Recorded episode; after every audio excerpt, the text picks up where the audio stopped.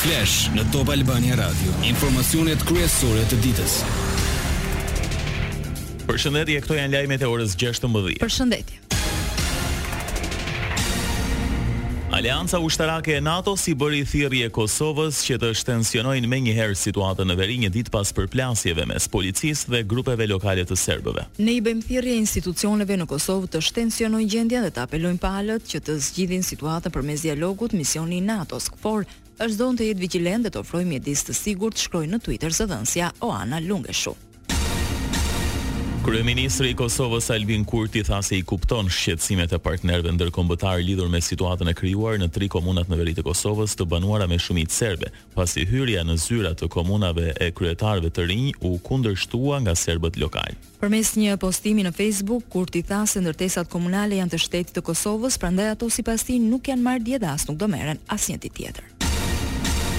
Lista Serbe kërkoi nga autoritetet në Serbi që të ndërpresin dialogun me Kosovën derisa të tërhiqen të gjitha forcat speciale. Kërkesa e kryetarit Goran Rakiç vjen një ditë pas rritjes së tensioneve në veri të banuar me shumicë serbe.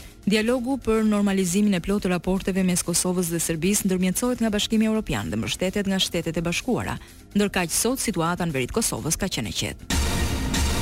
Në mesin e serbëve të nisur drejt Beogradit për tubimin gjigant në mbështetje të presidentit Vuçiç kishte edhe serbë të dërguar nga kompani transporti të Kosovës. Në një video të siguruar nga Kosova Press, ata shihen duke tallur dhe provokuar shoferët shqiptarë me thirrjet Kosova është Serbi, madje shkojnë deri aty sa të shtrembërojnë historinë duke prekur dhe figurën e heroit tonë kombëtar Gjergj Kastrioti. Skënderbeu ishte serb, bërtisnin ata.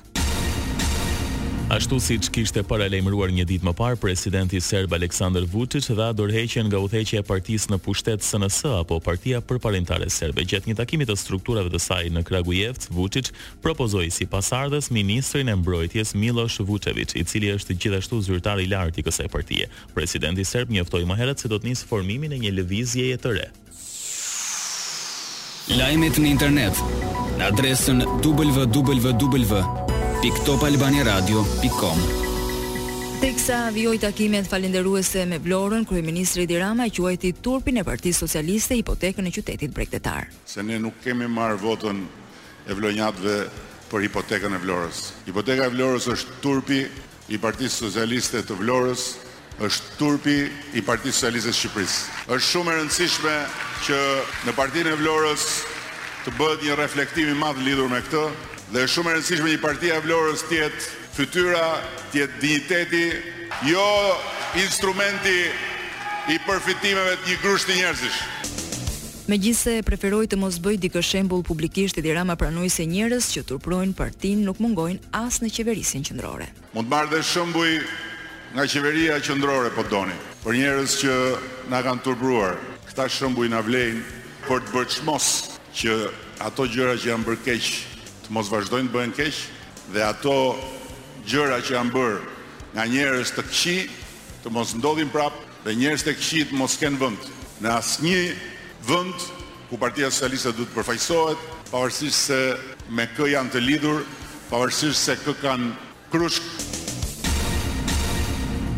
Kreu i Komisionit Qendror të Zgjedhjeve Ilirian Celibashi ka publikuar disa statistika nga rezultatet paraprake të zgjedhjeve vendore të katërmbëdhjetë majit, cilat u mbajtën në gjashtëdhjetë e një bashki. Përmes një postimi në Facebook, Celibashi shkruan se në këto zgjedhje votuan një milion e treqind e nëntëdhjetë e pesë mijë e treqind e gjashtëdhjetë qytetarë nga tre milionë e gjashtëqind e pesëdhjetë mijë e gjashtëqind e pesëdhjetë zgjedhës në total. Pra, pjesëmarrja ishte tridhjetë e tetë pikë njëzet e dy për qind. Lulzim Basha në një takim të zhvilluar me një grup anëtarësh të Partisë Demokratike të njësisë numër dy në Tiranë u shpreh se nuk do bëhet kurrë pjesë e baltosjes. duke iu përgjigjur kështu sulmeve të paraardhësit të tij, Sali Berisha. Berisha, Basha shkruan se Partia Demokratike s'mund të mbetet peng i hallit të Sali Berishës, ndërsa flet për një rikthim, e ndjej për detyrë t'i përkushtoj energjitë e mia tek një opozitë e vërtetë në shërbim të njerëzve. Pagesat me karta po kthehen në një normalitet të ri për shqiptarët. Në muajt e parë të këtij viti transaksionet me karta bankare kanë arritur shifrën 8.5 milionë, duke pësuar një bum në krahasim me të njëjtën periudhë të një viti më parë. Fenomeni që bie në sy është se pagesat me karta janë më të larta kur blihet një mall, shërbim apo produkt. Konfindustria ka shprehur shqetësimin për rritjen e fortë të çmimit të karburanteve menjëherë pas zgjedhjeve vendore të katërmbëdhjetë majit. Përmes një deklarate për shtyp vërehet se menjëherë në javën e parë pas zgjedhjeve, bordi rriti çmimin e naftës me gjashtë lekë për litër, duke iu rikthyer përsëri çmimeve më të larta në rajon. Konfindustria vlerëson se vendimet e njëpasnjëshme të Bordit të Transparencës krijojnë dyshime të arsyeshme se janë jo vetëm kundër interesit publik, por edhe përdorim për qëllime politike. Lajme nga bota. Ukraina është gati të nisë kundërofensivën e shumëpritur ndaj forcave ruse, kështu u shpreh një nga zyrtarët më të lartë të sigurisë në vend, Oleksiy Danilov për BBC.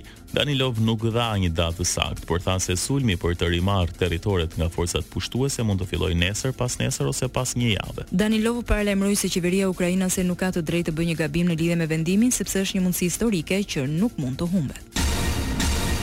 Një grup emigrantësh që përgatiteshin të niseshin me gomone nga veriu i Francës drejt Britanisë kanë sulmuar dje forcat e sigurisë që patrullonin në Calais duke goditur automjetin me gurë derisa u përmbys me gjithë oficerët brenda. Tre anëtarë të xhandarmërisë franceze u plagosën në incidentin në Oye-Plage, në brigjet veriore të Francës. Pas përplasjes, tridhjetë e tetë emigrantë u ndaluan, shumica e të cilëve trafikantë që organizonin kalimin me gomone drejt Britanisë. Sport.